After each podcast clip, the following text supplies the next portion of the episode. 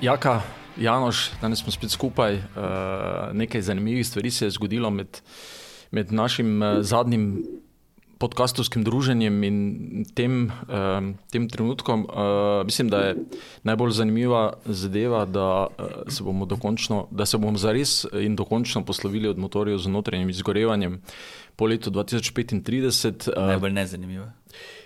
Za nas je verjetno zanimiva, za vse ostale pa verjetno tudi. Ja. Uh, še prej nas čaka uh, znameniti Euro 7, ki tudi ni ravno najbolj, najbolj nežen uh, uh, za proizvajalce. Uh, mislim, da to terja nekaj uh, tehtnega razmišljanja v našem uredništvu. Uh, Skratka, leta 2035 bo konec vsega, kar smo do zdaj poznali, vsega, s čim smo se do zdaj ukvarjali, in um, iz danes na jutri bomo preklopili na električni pogon. Uh, vse skupaj se zdi tako malo birokratsko in uh, administrativno, predvsej za, za lase potegnjeno. Vsi, uh, Argum, nekaj argumentov je malo tehtnih, uh, večina pa, glede na relativno kratek časovni okvir, se zdi kar malo prisiljenih. Uh, kaj, bi, kaj bi lahko rekli o tem? Ne vem, jaz imam predvsem najprej, če svoje občutke delim, predvsem občutek neizmerne izgube. izgube ne? Tako, iz osebnega vidika in iz družbenega vidika, tako sto let razvoja. Um, mislim, neizmerne zapuščine, um, pa, pa potem nekih znamk, ki so povezane, identitet nekih znamk, ki so neločljivo povezane um, z zvokom, z, z inženiringom in s takšnimi zadevami. Ne? Tako da, ja, to je prvi občutek, ki ga. Ki ga imam še pred tem, da se sploh te, pogovarjati. Te sentimentalne občutke verjetno, ja. verjetno delimo kar vsi. Mislim, da, um, mislim, to moramo kar... najprej ven. Pred, ja. pred, pred... ja, mislim, da smo kar v manjšini. Ja, tem, ja no, pa, sej, mislim, sej, če bi se še več pogovarjali, bi moral skoraj dati še robčke na mizo. Ampak, mm -hmm. ampak čisto za res. Uh, je, eh, bo, bodo avtomobili, ki jih poznamo, spravi avtomobili, motori, zvok, doživljanje, eh, vsa, eh, vse emocije, ki grejo s temi avtomobili, s temi avtomobili bodo samo še neka preteklost ali pa recimo na nekem dirkaškem načinu ali pa veteranskem, res popolni eksoti, ki, ki bodo na nek način še verjetno, tako kot se zadeve zdaj odvijajo, še na nek način dodatno obdavčeni, tako da bo to uh, ta spomin postal res uh, tudi zelo drag spomin. Ne? Ena neumnost za začetek. Uh, ti sem bral, da so se ptiči, da so ptiči prilagodili frekvenco v stotih letih zaradi prisotnosti avtomobila na cestah, frekvenco čukanja. In zdaj bojo mogli nazaj. Zdaj bo spet moral si ptič prilagajati. ne, res, uh, v bistvu mi je žal. Se letenje, se letenje. V bistvu mi je, v bistvu mi je malo žal tudi, uh, tudi zaradi te uh, naše flore in faune, ki bo očitno tudi trpela bolj tako kot mi vsaj. Ampak uh, uh, malo, mogoče malo resnosti ali pa ja, razmišljanja. Recimo meni, meni osebno se zdi. Uh, neumno in, in uh, res kratko mislim, da so uh, v vsem tem uh, razmišljanju popolnoma spregledali, torej seveda za nalašč, popolnoma spregledali uh, vse opcije, ki jih ponujajo, ponuja alternativa, uh, ki, se reče, uh, ki se reče sintetična goriva ali e-goriva. Uh, ki se reče, recimo, vodik, ki, ki ima absolutne, absolutne prednosti, in vse to je potisnjeno v stran, v stran zaradi tega, ker pač je pridobivanje in uh, pridobivanje teh goriv uh, energetsko preveč potratno. Je, se smo šele na začetku razvoja. Ne? Ja, seveda, ampak zelo hitri zaključki. Preko rekel. Mm. Tukaj mislim, da je veliko argumentov, ki so jih naredili pri elektrike, ki sicer ima ogromno število prednosti, ampak argumenti, ki so jih naslovili v to smer, so v široki meri napačni, nekateri že kar malce neumni. In se tudi vidi, da um, tisti, ki se s tem ukvarjajo, ne vejo čisto, o čem govorijo. Tudi o tej energetski potratnosti, ko sicer gledamo neposredno po, po pridobivanju oziroma pri porabi električne energije, zato da avto premakneš. Je sicer res, da sta vodik in sintetično gorivo bolj potratna, ampak ko pa gledaš to malo bolj iz celostno. ne. širo, širokega pogleda, pa se številke hitro obrnejo. ne. Ja, da, mislim, Zato da Ta je, prav, prav vodik se mi zdi, uh, kako. Torej, še vedno dopuščajo, seveda, um, glede na to, da, um, da govorijo o prepovedi prodaje uh, osebnih vozil in lahkih gospodarskih vozil, medtem ko uh, za teže gospodarska vozila, letala, uh, ladje si puščajo nekaj prostora.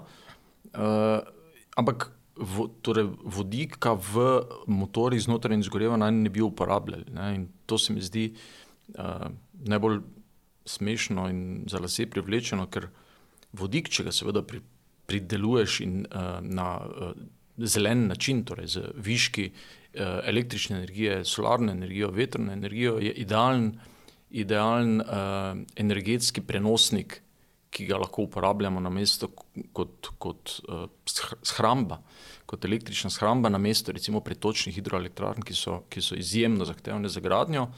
Uh, v tem primeru bi bil vodik seveda idealen, idealen energent za, tudi za pogon uh, strojev z, z notranjim izgorevanjem, ki zahtevajo v primeru vodika minimalne, minimalne uh, relativno minimalne spremembe. Ne. Ja.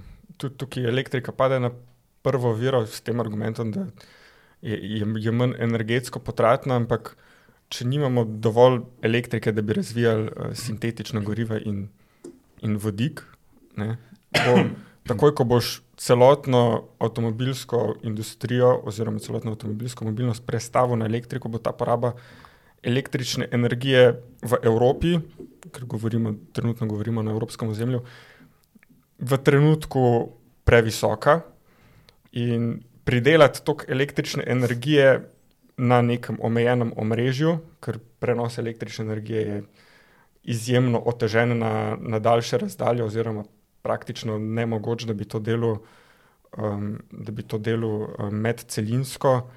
Bomo imeli veliko težavo, ker v Evropi smo že nekako kratkoročno omejeni, oziroma na maksimumu proizvodnje električne energije, ki, Ja, ki- brez kjer jedrske nimamo elektrarne. nobenega presežka, kot smo že ugotavljali v zadnjem letu, ko so se um, v določenih primerjih vlade že odločile ovirati um, polnjenje električnih vozil. Ja. Um, in mislim da, mislim, da tega problema kratkoročno ne moremo rešiti. Mislim, Ko bomo enkrat dosegli maksimum proizvodnje električne energije in ko bomo imeli primankljaj, bo težava. Ja, sej bo, sej po mojem je uh, največji problem tega tudi v, tudi v, um, v neki nekonsistentni pridelavi električne energije. Namreč uh, jedrske elektrarne, ki, ki so zagotovo najbolj čista, seveda, pod, pod, uh, če, če so to seveda varne. V Varne gradnje, okoliščinah. Ja. v primernih okoliščinah je to najbolj čista pridelava električne energije, ampak eh, ne, Nemčija, ki trenutno najbolj manjka, uh, zapira jedrske elektrarne, sploh ne razmišljajo, da bi tisti dve, tri, koliko jih še imajo, pustili pri življenju. Ne, odločili so se, da bodo pospešili pridelavo električne energije iz termo, termonukleark, uh, kar se mi zdi, mislim, Bizarno. totalno bizarno, absolutno, ja. totalno bizarno. Uh, in s tem, recimo, električni avtomobili izgubljajo še tisto nekaj kredibilnosti, ki, ki jih seveda, ki jo seveda imajo. ne, In, mislim, uh, to, je, to, je, to, mi je res, to mi je res popolnoma uh, čudno, da, da, da gre. Uh, Da gre energetsko razmišljanje v eni taki napredni državi v, v tej smeri. ne. Medtem ko Francija, recimo, nič ne razmišlja o zapiranju svojih jedrskih elektrarn, ravno obratno, še kakšno bi zgradili. In zato imajo pa seveda tudi oglični odtis, eden najbolj ugodnih, poleg seveda skandinavskih držav, kjer imajo ogromno, ogromno hidro, hidroenergije. Ne.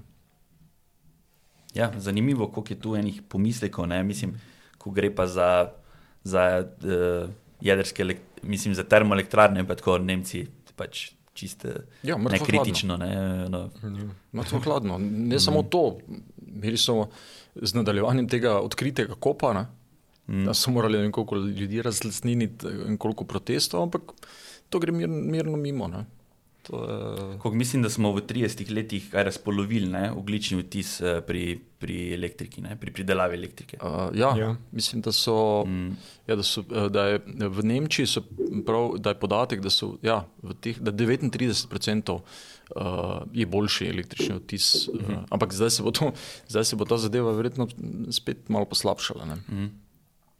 Uh, tako da, to, Ja, sej, to je hecno, ne, ko postavijo zakone, da, da bojo mogli biti avtomobili lokalno brezoglični, se pravi električni, da v mestu, ko se vozijo, da ne izpuščajo škodljivih plinov, ni pa nobenih zakonov na podlagi, kakšna mora biti pridelava elektrike. Ne, ker če je ja, ele, pridelava elektrike okolju škodljiva, če ni zelena, če ni trajnostna, te električni avto na dolgi rok ne pomaga veliko. Seveda naredi veliko razliko v mestih, ja. to je povsem kredibilen argument in velika prednost električnih avtomobilov, ampak na dolgi rok s tem nisi naredil nobene velike koristi. Ja. Eh, Mislim, s tem se verjetno vsi strinjamo in to je popolnoma jasno. To je že treba povedati, da je uh, električni motor ima bistveno, bistveno boljši izkoristek od, od, od termičnega uh, Ja. in, in vožnja z električnimi avtomobili postaja vedno bolj uh, prijetna in, in, in recimo temu rekli vsakodnevna, uh, ampak uh, ogličnega odtisa na ta način verjetno ne bomo prav, prav bistveno spremenili, če ne bomo res nekaj nar- naredili na področju pridelave, torej zelene, trajnostne pridelave električne energije. In, tu uh, vseh teh zakonih pa ni videti, uh, ni videti da se kdo. eh, ravno to, te dve protislovi, zdaj kar je Jaka omenil, da bi pač v mestu ima avto lahko res uh, um, velik učinek, električen avto. ne. Ja. Imamo pa tukaj na eni strani ekonomsko protislovje, zaradi tega, ker pač še avtomobilistični prezadci še vedno niso tam, da bi naredili vsaj relativno ugoden um, mestni električni avto, ne, manjši.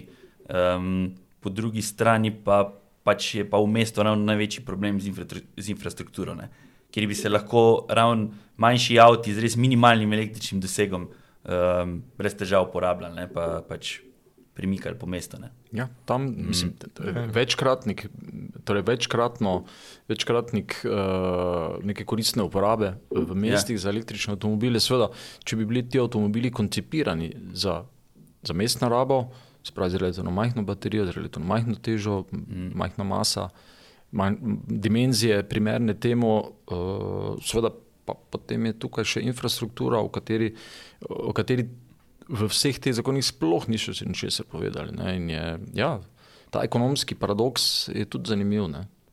Najcenejši avtomobili, mm. vemo, da so tu nekje pri, pri 35 tisočakih. Kdaj bo avto, ki, bo, ki se bo približal 25, in, ne vem, pri Volkswagenu ga napovedujejo nekje leta 25, ampak um, Zaenkrat so še izjeme. Ne. zaenkrat so kot ne. Medtem Ja. ko imamo v premium segmentu praktično vse pokrito. Ne. Ja, zaradi tega, Ja. ker ta, ta seveda, premium segment seveda omogoča mm. največje dobičke, Ja. največje ja. marže. Uh, po eni strani gre proizvajalcu seveda razumeti, zaradi tega, ker razvoj enega takega avtomobila je izjemno, izjemno drag. In uh, če si kje lahko vse delno to povrnejo, je to, je to segment uh, višjih, mislim, boljših, dražjih avtomobilov, kjer, kjer, se ti, kjer so ti zaslužki malo večji, ko se bodo pa spustili nižje, pa mora biti ekonomika res že zelo domišljena. Vprašanje, vprašanje kdaj to bo. Pri vseh teh zakonih se pozablja, da živimo v kapitalizmu. Ja. Vsa ta avtomobilska podjetja so v privatnih rokah, tako ali drugače, in Ja. delujejo za dobiček. In takoj, ko se ekonomija ne izide, se pravi, ti poceni mali mestni električni avtomobili, da bi postali dostopni pod 25 tisoč evrov, ali pa realno bi mogli govoriti o precej, O- o- o precej 20, manjšem znesku, 20 ali manj. Ne? se ne bo zgodilo nikoli, ker se jim preprosto ne splača, in če se jim ne splača, tega ne bodo delali. Ja. In lahko mi uh, govorimo, kaj želimo. Ali, To se ne bo zgodilo nikoli. Ne.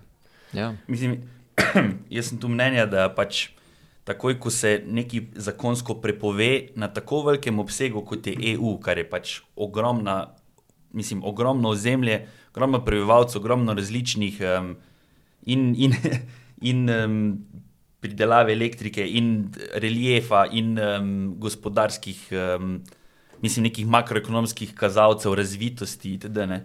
Um, kaj zdaj hoče povedati? Do, dol, pro, problem dolgega voda je vedno to, da se zgubiš nekje na sredini. Ne, ab, absolutno je, je, je zanimivo, da se to odloča absolutno na celi. Da, se ni, a pa, a veš, da ne gre vsaj ena država s tem naprej, pa imamo to kot neko testno območje. Um, um, mislim, takšna zakonska prepoved zahteva potem tudi neko javno rešitev. To je bilo nadaljevanje tega, kar je, Ja. ja. kar je, ja, kar je kot da so tu zadnji. Pač privatno podjetje. Ne? A Veš, mislim, ne pogovarjamo se, kako, kaj bo alternativa. Ne more biti alternativa benzinskemu um, oziroma avtomobilu na notranje zgorevanje samo električni avto. Mislim, moramo se pogovarjati o javnem prevozu, moramo se pogovarjati zdaj veliko širše o mobilnosti. Ja. Ne? Mislim, meni je to zelo zanimivo, ker mi bomo zelo težje to nadomestili uh, kot, kot, kaj jaz vem, neka uh, Nemčija ali pa. Ne, mislim, še vedno bomo stali v električnih avtomobilih na Blagovici, pa mogoče pa celo v trojanskih tunelih eh, iz Maribora proti Ljubljani čez deset let. Ne. Ja. Samo da bomo v električnih avtih, pač. to bo Samo edina razlika. rekli, ja. No, ampak predvsem je tu ena, uh, meni se zdi, pa slišal sem že iz uh, ust nekaj ljudi, ki so blizu, uh, ki imajo informacije, seveda, uh, iz uh, ustreznih virov, da uh, vsa ta nasilna elektrifikacija, pa moram reči nasilna, ne gre drugače, ta nasilna elektrifikacija, uh, torej uh, neka teorija zarote. Uh, ne, teorija zarote bi bila, da, da se seveda uh, Evropska unija želi očistiti ceste, dolg, na dolgi rok očistiti ceste in uh, zmanjšati število avtomobilov na cestah na ta način, da bo, uh, da bo preprosto prepustila mobil, osebnostno mobilnost z, z avtomobilom tistim, ki si to lahko privoščijo. Hmm. In uh, spodnji in spodnji srednji sloj si avtomobilov, ki se začnejo pri 35 tisoč evri, evrih, novi, seveda ne bo mogla privoščiti. In, in dokler pač bodo tukaj ostanki nekih relativno ugodnih avtomobilov z notranjim zgorevanjem, uh, bo pač to spet Evropa dveh hitrosti razvoja. Ne. Na eni strani tisti, ki si to lahko privoščijo, na drugi strani pa tisti, se pravi, mobilnost bogatih, na drugi strani pa tisti, ki bodo vedno lovili ostanke uh, in se vozili v, v, seveda, ekološko vprašljivih, kaj šele varnostno vprašljivih avtomobilov, ker si pač drugega ne bodo mogli privoščiti. Uh, zakon pa jim bo to na nek način še dovoljeval, verjetno vedno, vedno strožje in vedno težje, ampak spet smo tam, da, da si tega, tako kot si ti ugotovil sam, si tega ne bomo mogli več privoščiti. Vprašanje pa, kako se bo razvijal uh, nek, nek javni promet, oziroma tisto, kar uh, že dolgo govorimo, ne vem, neki, neki shared space, se pravi, neki, uh, neko deljeno lastništvo, uh, taksi, šatli, uh, ne, kaj šele, kaj šele uh, robotizirana vozila. ne. Tako Da, mislim, mislim, da nas res v prihodnje, če sklepati po tem, kar je tukaj, nas čaka um, relativno uh, siva avtomobilska prihodnost. Predvsem pa ne ni zabave. Ne? No, zato pa siva, ne, ker ni nobene zabave. Se Pravi, zabavo si lahko privoščite res samo še tisti, uh, tisti ki bodo svoje. Uh, Svoje drage avtomobile pospravili nekam v garaže in jih bodo samo občasno peljali na dirkališče, eh, da bo gorivo stalo enormne količine, si lahko mislimo, seveda pa tudi vzdrževanje takih avtomobilov bo postalo vedno dražje po kilometru, kar pomeni, da bo tudi zabava rezervirana samo za. No, pa že zdaj imamo na dirkališčih take omejitve zvoka, da veliko no. novih športnih avtomobilov sploh ne more več na stezo. Že serijskih. Že serijskih. Že ja, serijskih, že kaj serijskih. šele predelanih. Ne? Pa že serijski so pretihi, če smo čisti iskreni. Ja, no. Ampak se to je, eh, vse gre v bistvu v, v to smer. Eh, No, meni se je zdelo pri, pri vsej se- tej zadevi še to, da uh, sicer nekje v teh nekih spisih Evropske unije skozi uh, vidiš tudi, kakšne so pričakovanja, uh, torej cenovna pričakovanja, ampak um, to, kar je ti Janoš prej omenil, eh, da socialno-ekonomski vidik tega sploh ni upoštevan. Torej, ni upoštevano to, kako zelo se bo spremenila avtomobilska krajina v smislu, uh, v smislu presežnih delavcev, in ni upoštevano to, kako zelo bo prav Evropska unija, ki je neka zibelka visokotehnološkega razvoja teh avtomobilov, uh, trpela zaradi tega, ker se bomo vsi spet postavili na, na isti nivo. In ko smo vsi na istem nivoju, potem tvoja prednost 120-130 let, če jo gradil, preprosto sklapi. In prve, prve, prve posledice že lahko vidimo. Vem, Ford je v imenu uh, prehoda na elektrifikacijo objavil, da bo odpustil 3800 delavcev v Nemčiji. In to je šele vrh ledene gore. Sicer vsi pravijo, ne, ne, se jih bomo prerasporedili, se, se bo odpirala nova delovna mesta, se je tu zelena energija, se je tu uh, industrija zelene energije. Ampak ne vem, jaz se ne spomnim, da bi se kdo javil iz zelene energije in rekel, oh, se mi pa rabimo 3800 delavcev, ki jih bo Ford odpustil. To je tudi večje ekonomsko vprašanje, ker v, v EU-ju avtomobilska industrija predstavlja precejšen delež. Ja, imam zelo. Ja, tudi precejšen delež zasluženih davkov. Uh, in to je. 7 odstotkov. 7 odstotkov ja. vseh služb v Evropi ustvarja avtomobilska industrija. 14,6 milijonov ljudi dela v avtomobilski branži ja. v Evropi. In, um, neposredno ali ne, posredno. Ne, seveda, ja, neposredno in posredno. In, uh, Evropa, torej Evropska unija, je drugi največji proizvajalec vozil na svetu. Uh, 12,2 milijona vozil in, in uh, stres temelje take industrije na ta način, to moraš biti pa kar, biti pa kar hraber, da si to upaš storiti, ne glede na to, seveda, da, da, je, da je v ozadju teh pritiskov tudi kar nekaj um, zelenih lobijev in ekoteroristov, ki pač vidijo seveda, samo svoje cilje, verjetno pa se na sestanek ravno tako pripelje s 15 let starim golfom. Ne. Predvsem s subvencijami smo klej zelo zaostali, ker v Ameriki in tudi Aziji države zelo pomagajo razvoju industrije avtomobilske, v Evropi smo pa že toliko zakonov naredili v, v škodo avtomobilske industrije, da vsi bežijo stran. In sploh zdaj, tako kot si rekel, zdaj, ko, ko bo prišla elektrifikacija, prvo kot prvo se bo industrijsko znanje postavilo na enak nivo kot z Azijo. Številka dva smo pa, že glede redkih materijalov, smo v Evropi. Ja, jih ni. Ja, jih ni. Tako rekoč, ne bomo mogli. Še tisto, še tisto, kar pa je, pa so verjetno v Rusiji. Ja. In nikoli ne bomo na prioritetnem seznamu. To pomeni, da kakršna koli tehnologija, ki bo ratala, bo Evropa prišla s petletnim zamikom. Če. Če. Ja. Prednost bojo imeli pa Azijci. Ja. Jaz mislim, da se bo marsikomu zgodilo to, kar se je recimo zgodilo Nokia na področju mobilnih ja. naprav. Ja. Ja. Ta prehod iz uh, dobe hardvera v dobo softvera, pač, to je zdaj, mm. podoben prehod, se v bistvu zdaj dogaja uh, pač v, v avtomobilski industriji, ne, kot se je takrat v industriji mobilnih naprav. Ja. Um, pa recimo tu se mi zdi tudi recimo, če, če še malo nadaljujemo to, kar je Jaka rekel, okoli zaščite. Ne? Recimo v Ameriki so sicer v, um, pod krinko neke um, zaščite uh, dragih mineralov oziroma rodnin, uh, ki morajo strateško. Uh, ostati v ZDA, ker se mi zdi, seveda, normalno, zaradi ker vejo, kaj se lahko zgodi. Recimo, primer Rusije je že pokazal na to, da se lahko v, v trenutku stvari spremenijo in ostaneš brez strateških uh, uh, surovin, uh, so sprejeli zakon, ta znameniti IRA, ki govori, da moraš 40% kritičnih rodnin za vsak izdelan, vsak izdelan stroj prihajati iz ZDA, če se želiš kvalificirati za uh, nekaj denarja, mislim, da je bilo 370 milijard dolarjev subvencij za, za, za, um, za sodobno tehnologijo. In uh, cel kup uh, evropskih firm je že zaradi tega začelo proizvajati ali pa bo začelo delati ali baterije, ali avtomobile, ali določene sklope v ZDA. Na ta način so seveda privabili tehnologijo v ZDA in to tehnologijo smo v Evropi izgubili. Za kako dolgo, za kak dolgo, nekatere mogoče zavedno. Ne. In tega v Evropi ni. Ne. V Evropi pač zagovarjamo prosto trgovino.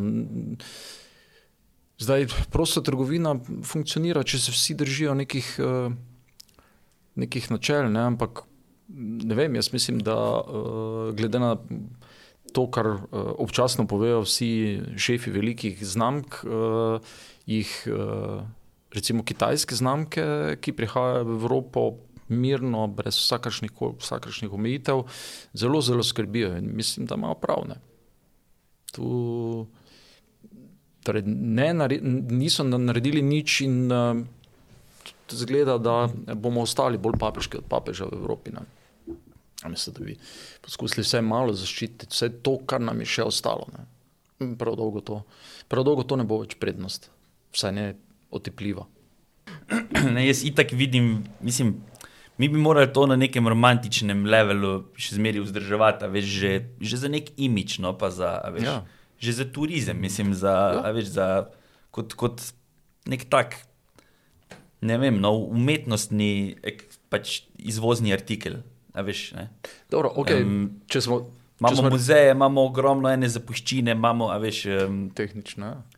To bodo izkoristili kje druge, ko znajo gledati tri korake naprej. Ja. Dobro, okay, če, če smo toliko, moramo biti toliko fair, da rečemo, da obstajajo izjeme ne, za, za proizvajalce, ki ja. izdelajo manj kot mhm. tisoč avtomobilov. Ampak še to je omejeno, zdaj, še, to, se, ja. še to se že vidi, konec. Pač. Ja, sve, mislim, Ampak ja. to je zaenkrat samo glede, glede izpustov na avto. Torej ne bo zmanjšanje do 35. Ne medtem ko do 35, mislim, od, od 30, od leta 2030 do 35, pa morajo zmanjšati proizvajalci za 55%, mm. glede na leto 2021. Ne, to, je, to je ta znameniti Euro 7, ki bi naj to poveljal čez. Zdaj mislim, da že čez dve leti ali pa dobro dve leti, poleti 2025. Ja. In um, tudi ta je sicer, kot pravijo, uh, bolj uh, bolj nežen, kot so ga pričakovali, kljub temu pa seveda industriji ni pogodu, ker uh, če se želijo posvetiti elektrifikaciji, tako kot bi se naj, je redno vsak evro dobrodošel, zdaj bodo pa morali, če želijo preživeti še teh 12 let do, do, do popolne elektrifikacije, bodo morali vlagati v dva kanala, torej na eni strani v elektrifikacijo, na drugi strani pa v to, da bodo te, te redke preživele uh, metuzaleme z motori znotraj in zgorevanjem, ohranili pri življenju vsaj še do. Vse še do tega leta. S tem, da so tu spet najbolj na udaru, naj, najcenejši, pa najmanjši avtomobili. Ne? Ja, se, zato, ja. Pa, zato pa jih mm. praktično ni več in jih ne bodo, teh avtomobilov ne bo, koliko jih je še. Več nikoli ne več, dokler ne bodo ja. ugotovili, recimo enkrat, ko bomo mi že zelo stari, se nam bodo stresli glasovi, ko bomo tukaj sedeli. Uh, jo, zdaj pa lahko naredimo avtomobil, ki je cenejši od 20 tisoč evrov in, je, in ga bo gnala elektrika. Ampak do takrat pa teh avtomobilov ne bo več, kar pomeni, da, se, ne, da jih bodo nadomestili drugi avtomobili, ampak tega cenovnega razreda mm.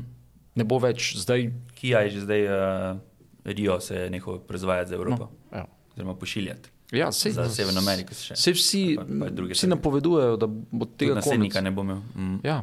Dokler ne bodo ugotovili, da ga mogoče lahko naredijo dovolj ugodno z neko baterijsko tehnologijo, ki je še ne poznamo, ali pa je nekje v zadju, pa vemo, da obstaja, ampak vprašanje, kaj je s komercializacijo tega. Um, ta cenovna spirala, ki jo doživljamo. Uh, Sveda jo bomo zaradi, prav zaradi Euro 7 uh, se bo še dvignila. Se, mislim, da je celo uh, nekdo izjavil, pa ne bom zdaj povedal znamke, da, da ne bo. Uh, Za 3 do 4 tisoč evrov bi se lahko avtomobili, ne spodnjega, srednjega, oziroma tega majhnega mestnega avtomobila, kot pravim, lahko podražili zaradi, že zaradi Euro 7 zaradi teh zadev. Torej, uh, ja, Volkswagen CEO je omenil 5000 več ja, za pa, polota. Recimo. Ja, ja. ja. In, in njegov, njegov kolega pri Škodi uh, 4000, če smo zdaj že res pri znamkah, 4000 za Fabija. Zdaj pa, že zdaj se nam zdi astronomsko ja. drago. Pa... In, vsak, in vsak, vsaka taka stvar je še dodatni katalizator, ker je dodaten izgovor, da lahko podražijo. Ja, zagotovo ni. Če jih stane 500 evrov. Ja bo to. Bojo pač podražili za 3-4 tisoč, ker lahko. Ker lahko. In krivijo nekoga drugega. Ne, se je v teh um, um, dokumentih Evropske unije obstajajo tudi izračuni, za koliko bi se lahko podražilo ob upoštevanju vseh dejstev. Uh, ampak tam so številke, seveda. 100 do 150 evrov. 350 do 400 so najdražji v, je. v ja. tem, za, di, za te preostale dizelske avtomobile. Ampak to je seveda še precej daleč od 3 do 4. 5000 evrov. Ne. Ampak avtomobili se bodo očitno podražili, ker verjetno je še nekaj skritih stroškov, ki jih vsi ne poznajo. Ampak če to lahko naredimo, zakaj pa ne bi? Ne? Mislim, že zdaj so vrste, pa še vedno so vrste. Je tako praktično, ker mene res pri tem vedno, mislim, bolj me zanima sociološki vidik kot, kot sam ekološki vidik, pač, ker res eh, si ne predstavljam, kdo si lahko stopnega električnega Volkswagena za 44 tisočakov, koliko stane ID3, Ja. um, privošči pač. Ma- Mrtvo hladno. Meni to, men se to, jaz tega ne znam zložiti, enostavno več. Ja. Mm, No, ampak tudi če se, tudi če se zdaj malo odstranimo od cenovnih problemov, um, ž- že samo problem prilagajanja življenjskega sloga električni mobilnosti je ovira, ki je ne bomo mogli rešiti z nobeno, z nobeno infrastrukturo, z nobenim podaljšanjem dosega, ker, kot se je zdaj le izkazalo, 100 km gor dol nima v bistvu nobenega vpliva. Tisti, ki, tisti, ki imajo življenjski slog že prilagojen električni mobilnosti, ki so jo pripravljeni sprejeti in ki lahko s tem živijo, jim je 200 km dosega na, na avto več kot dovolj. Ja, tisti, tisti ki, to, Ja. ja. ki so to zapopadli Tistih v polnosti. Ne? 20, mogoče 25% končnih uporabnikov, en delež teh se seveda še ne zaveda, da so električni avtomobili precej bolj primerni za njihov življenjski slog, kot si mogoče pustijo dopovedati. Ampak za ostalih 75% pa električni avtomobili jim ne bojo odgovarjali, tudi če bojo imeli 1000 km dosega. Ja, Jih ne bojo pripravljeni sprejeti. Ne bojo jih pripravljeni. Torej, to je, po mojem, neka stvar nekega generacijskega preskoka. Ne? Se pravi, nekdo, ki ga ni pripravljen sprejeti, bo seveda rekel: Glej, jaz si bom kupil eh, 29. decembra eh, 2034 svoj zadnji avto in ga bom potem vozil do, do onemoglosti. Ne? Uh, torej, Nekdo, ki tega ne bo pripravljen sprejeti, ampak na koncu, če, če, bo, torej, če bo stvar rešila v tej smeri, jaz sicer osebno sem zelo prepričan, pravzaprav tako tu sedimo, zdaj sem prepričan, da se bomo tam nekje leta 31-32, ko bo vsi ti, vse te težave, ko se bodo vse te težave uh, uh, pokazale kot zelo, zelo resne, od infrastrukture, pomankanje energije, uh, pomankanje polnilne, hit, hitre polnilne infrastrukture, uh, pomankanje avtomobilov, na vse zadnje, uh, cenovna spirala, ko bo vse to izbruhnilo v nek. nek uh, neko kaotično uh, schemo, da se bodo um, fantje in dekleta v, m, v Evropskem parlamentu morali še enkrat usesti, pa še enkrat premisliti, glede na nove podatke, kaj lahko in kaj ne, in bomo mi to mejo, eh, mogoče s kakim Euro 8, uh, premaknili še za par let, zaradi tega, ker uh, mi nimamo dovolj polnilne infrastrukture. Uh, Marsikdo me bo zdaj negiral. Ja, Sl- Slovenija po številkah mogoče je, ampak razporejena je zelo neugodno. Um, kaj pa države vzhodnega, vzhodnega dela Evropske unije, kje? Tam imaš polnilnic. Mislim, jaz se danes ne morem odpraviti z električnim avtom na jug Hrvaške. ja, Hrvaški otoki, jih skratite omeniti. Mislim, otoke, recimo, mm. kaj še le, recimo, Sr kaj se recimo Srbija ali pa Beograd, ki je neko regionalno središče. Do tja nek, mislim, do tja Prideš mislim, mogoče silo, privleko na silo, ne?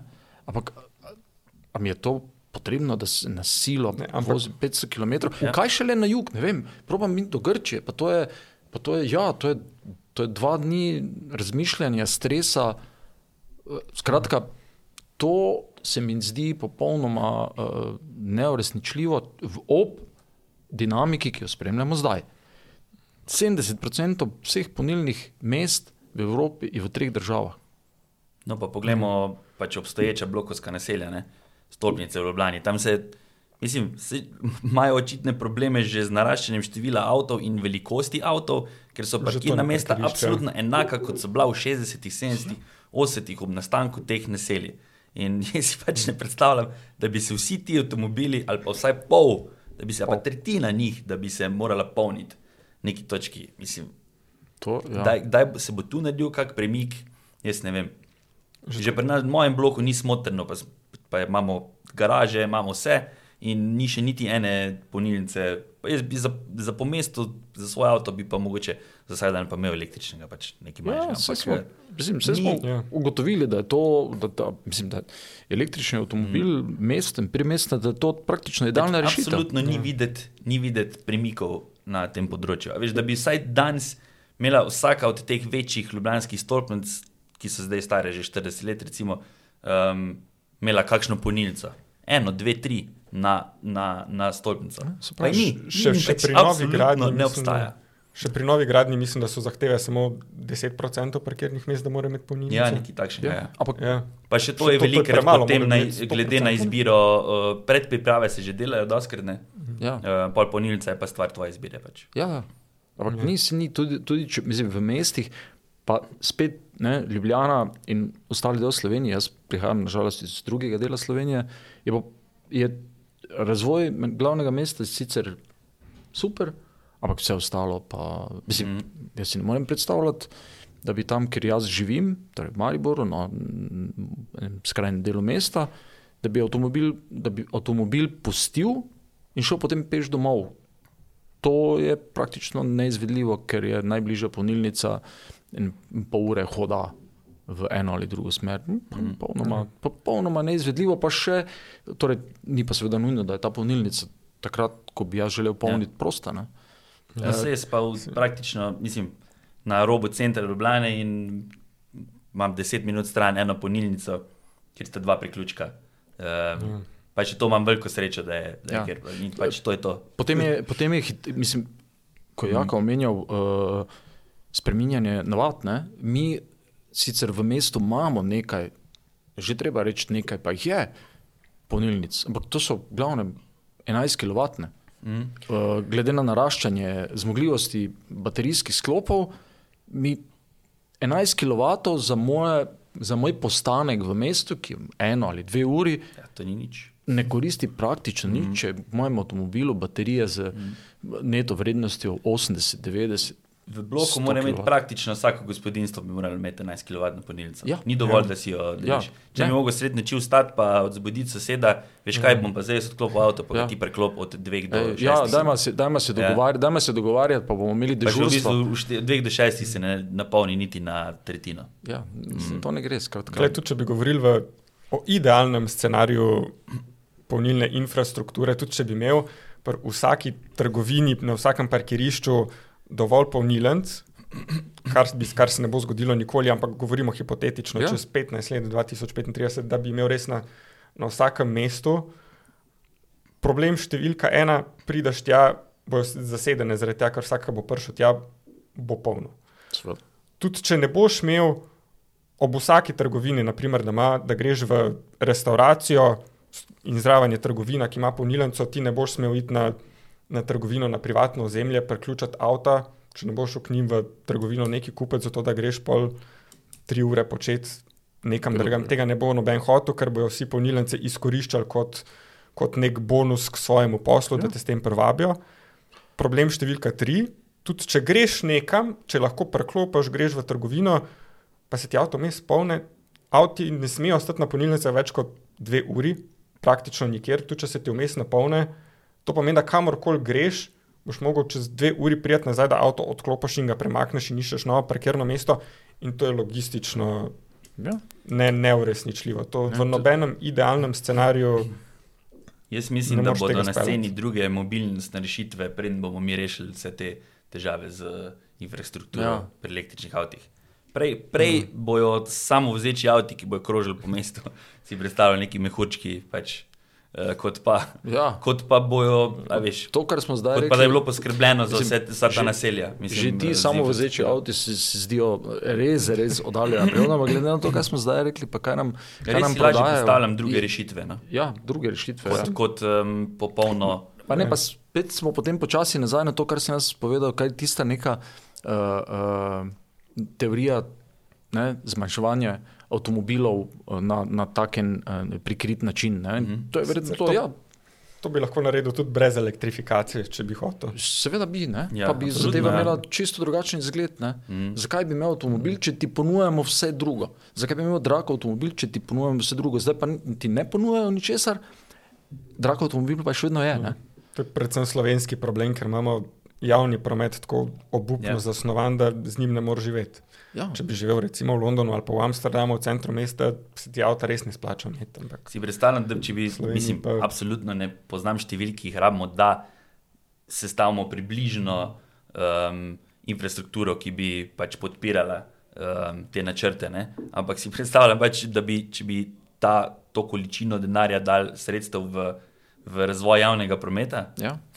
mislim, Ne, pa se je, se, ti, se to je jasno. Mislim, da to ne samo uh, mestna, torej ta urbana, um, urbana javna prometna infrastruktura, ampak tudi ta priurbana in, in povezovanje regionalnih središč. ne vem.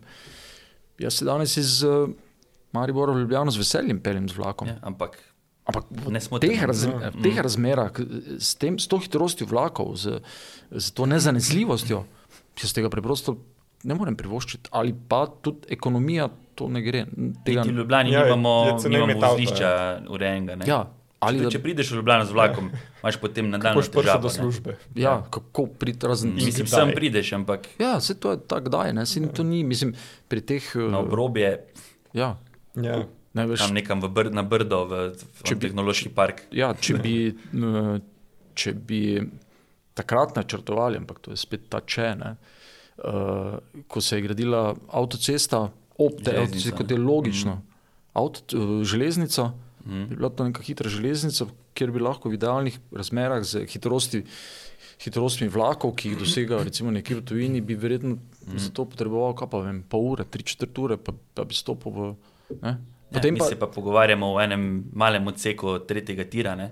ja, zdaj, že pač ono desetletja. Desetletja, Em, pogovarjamo se spet, da bo za dve leti, sem že bral, zamik. spet zamik pri, pri severnem kraku, ne? Ja. Mislim, pri severni razvojni osi. To v bistvu gre za nič, mm. ne gre po načrtih. Ja. Korošci še, še niti pripeljati ne morejo v, v Ljubljano, normalno pa že jim govorijo, da se ne bojo smeli čez 12 let več. Z... Ja, oni, on, oni bodo verjetno ravno. Kaj ravno, njih zanima, sploh?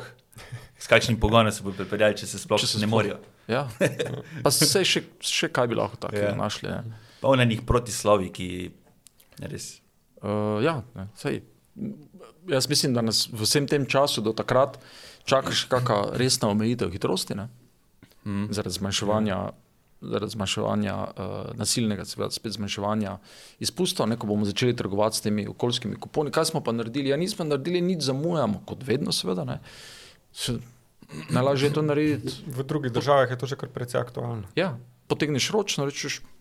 Gled, če mi omejimo hitrost na avtocestah za 10, pa na regionalkah spet za 10, mm. pa nismo nič mm. naredili, ampak avtomobili so počasnejši, porabijo manj goriva, po, zmagali smo. Mm. Ne? Ja, ne? to so. To so Pa je to še vedno bolj razumna rešitev, kot da celotni vozni park preseliš na elektriko. ja, ampak če ti nekdo odzuna reče, to moraš narediti, ti pa znotraj bi lahko, mislim, bi moral narediti še kaj drugega. Ne? Lahko bi prišel elektrifikacijo, če že na nek način. Ne? Pa že ta proces prehoda na elektrifikacijo, kar, ki bi nekaj tega je seveda razumnega in logičnega, kot smo tudi sami ugotovili, poteka zelo, uh, zelo, zelo počasi in s vsemi temi uh, subvencijami in čakanjem in, in ne, ne, nepreglednostjo je, je verjetno. Pa seveda cenami je marsikoga odvrne od tega. Ne? Ampak kar je meni najbolj zanimivo od vsega tega, je ne samo prehod na elektriko, ampak zaničevanje alter, alternativnih virov energije, mm. kot, se, kot smo ja. prej govorili o vodiku in sintetičnih gorivih. Ker če smo, če smo realni, v elektriko se zelo intenzivno vlaga, že vsaj 15, nekatere znamke že 20 let, zelo, zelo intenzivno vlagajo v razvoj baterijsko-električnih vozil. Znanjem, s časom, z denarjem, na tej točki že vemo, kakšne so potencijalne omejitve elektromobilnosti. vemo, vemo, kje je njen potencial, vemo, kaj so njene ovire. Lahko govorimo, da bojo vem, solid state batteries, pa to, da bojo čez deset let naredili velik tehnološki preskok, ampak vsi vemo, da, ne bojo, da ne bojo naredili takšne razlike. Bi... Takšne, ja. Maserati je že zdaj rekel, da ja. ne pridejo poštev za njih. In po, in po 15-20 letih intenzivnega razvoja neskončnega denarja smo prišli do točke, ko je ta tehnologija razvita in primerna še vedno za samo mogoče 20% končnih uporabnikov. Po 20 letih razvoja. Ja. Ja, si, uh... Ko bi imel pa vodik, pa sintetična goriva, če bi toliko časa in toliko denarja vlagal v to, bi bila precej bolj razvita kot so zdaj. Mogoče res niso tako energetsko učinkovita, ampak veš, da nekega dne pa lahko dosežeš, da se bo celotni vozni park preselil na, na vodik ali pa na sintetična ja. goriva. Ampak na elektriko na lep način se verjetno ne bo nikoli. Ne. Ampak ravno to je ravno to, ne? če bi, če bi um, vse te smeri, pa še zdaj nismo čisto prepričani, kaj se bo zgodilo, recimo čez 15 let. Ne? Ja, seveda v Bruslju so že prepričani, ampak ja, še vedno, kot smo rekli, ne vemo. Ampak če bi, če bi vse te, uh, če bi rekli, ok vse alternative so odprte, dokler se res ne bomo čisto dokončno odločili. Ampak tudi, ko se bomo, je, se mi zdi, prihodnost je multienergetska. Ne bomo mogli, mislim, vedno je težka, bila in vedno bo. Ja, težka gospodarska vozila. Mor, jaz, si pre, jaz si ne predstavljam vlačilca s 24 tonami, ki bo zato, da bo lahko pripeljal 150 ali 200 km s sabo vozo 5 ton baterij. To je absurd. Zračni vodni promet sta večji onesnaževalec kot mm. cestni promet, in zračni vodni promet nikoli ne bo sodeloval na elektriko. Ne, zračni, nikoli. absolutno ne, vodni bi se še ga moče v nekem delu zamisliti, ampak absolutno ne. ne. Na dolge razdalje ne. ne. Na, tudi na dolge razdalje pa, pa ne. ne. Tu absolutne alternative morajo biti. Če bi, če bi približno toliko denarja, kot gre v elektriko, namenili v alternativne.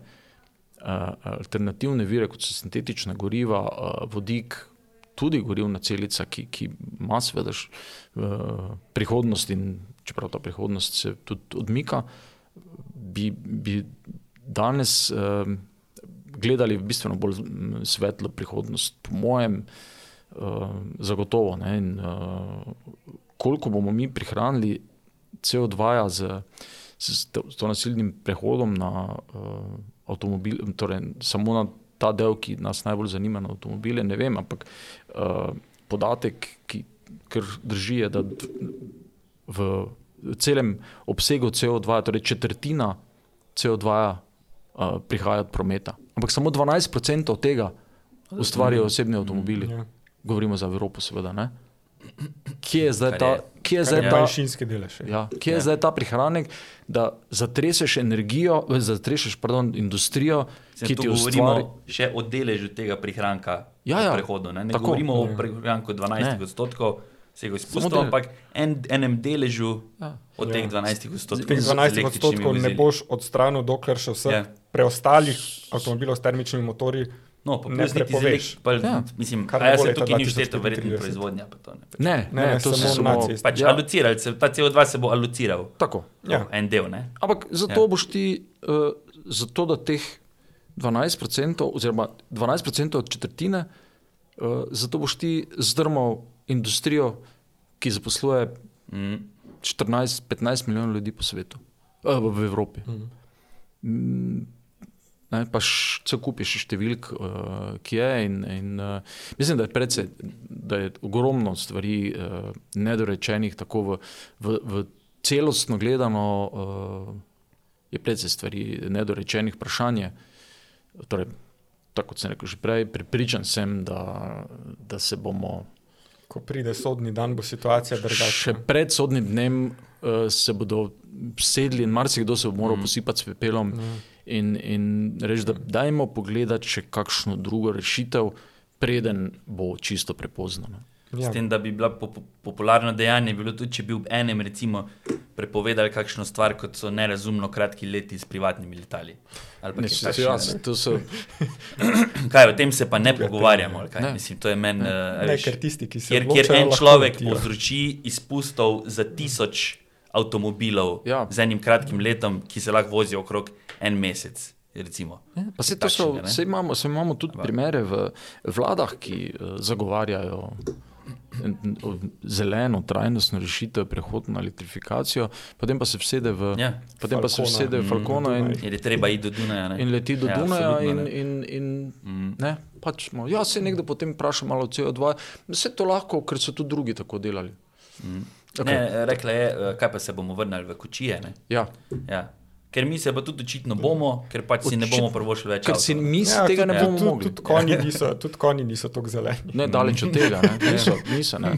Ampak izpušni ja, so kar škodljivi. ja. So, pa kar nekaj jih je, ne? ampak glej, uh, očitno nas čaka, uh, očitno zdaj še ne, zdaj seveda zgleda vse še zelo rožnato uh, za razvoj elektrifikacije, ampak uh, mislim, da bo že preden se bo ta znameniti sodni dan začel resno bližati, uh, bomo deležni neke, neke sprememb. Jaz upam, da bo na koncu malo zdravorazumske logike vseeno vseeno pomagalo, uh, da se bomo še,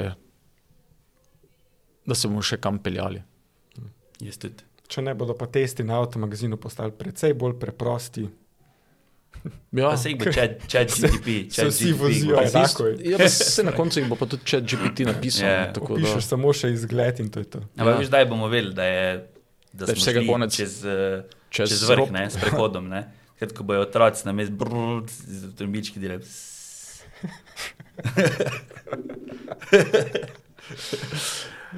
Ja, Ne znam, Ko če se si bojo igrali s kolesi, z hecno avtomobilčki. nekoga, ki je rekel, da Abart, mislim, da je zdaj hotel um, neki v tem 500E ja. uh, pre, uh, narediti um, tistih svojih legendarnih motorjev, postvariti zvok. Ne?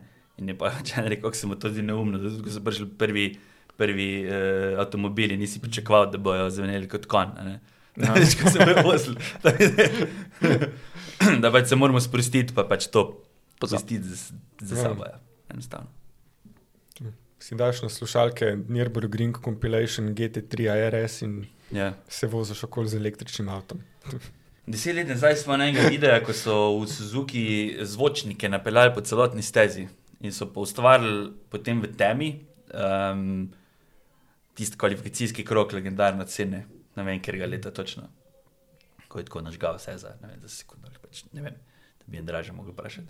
Ne bi bilo spektakularno. No, pač ljudje so lahko prišli to poslušati in se slišijo, kot da gre njegov McLaren po. Se to bomo kdaj na Po kakšni, celotni na kakšni dirki še poslušali, ne? Ker ne boš drugega slišal. Ja, jaz bom svoj avto posemplu, potem, tako se pogovarjamo o glasbi. Ja, Ko moraš stare synthesizerje posempljati, pa, pa je lahko v digitalnem okolju te zvoke praviš in svoj avto posemplo. In bo- da ga lahko malo uporabljali. Tisti, ki se z glasbo ukvarjate, boste to razumeli.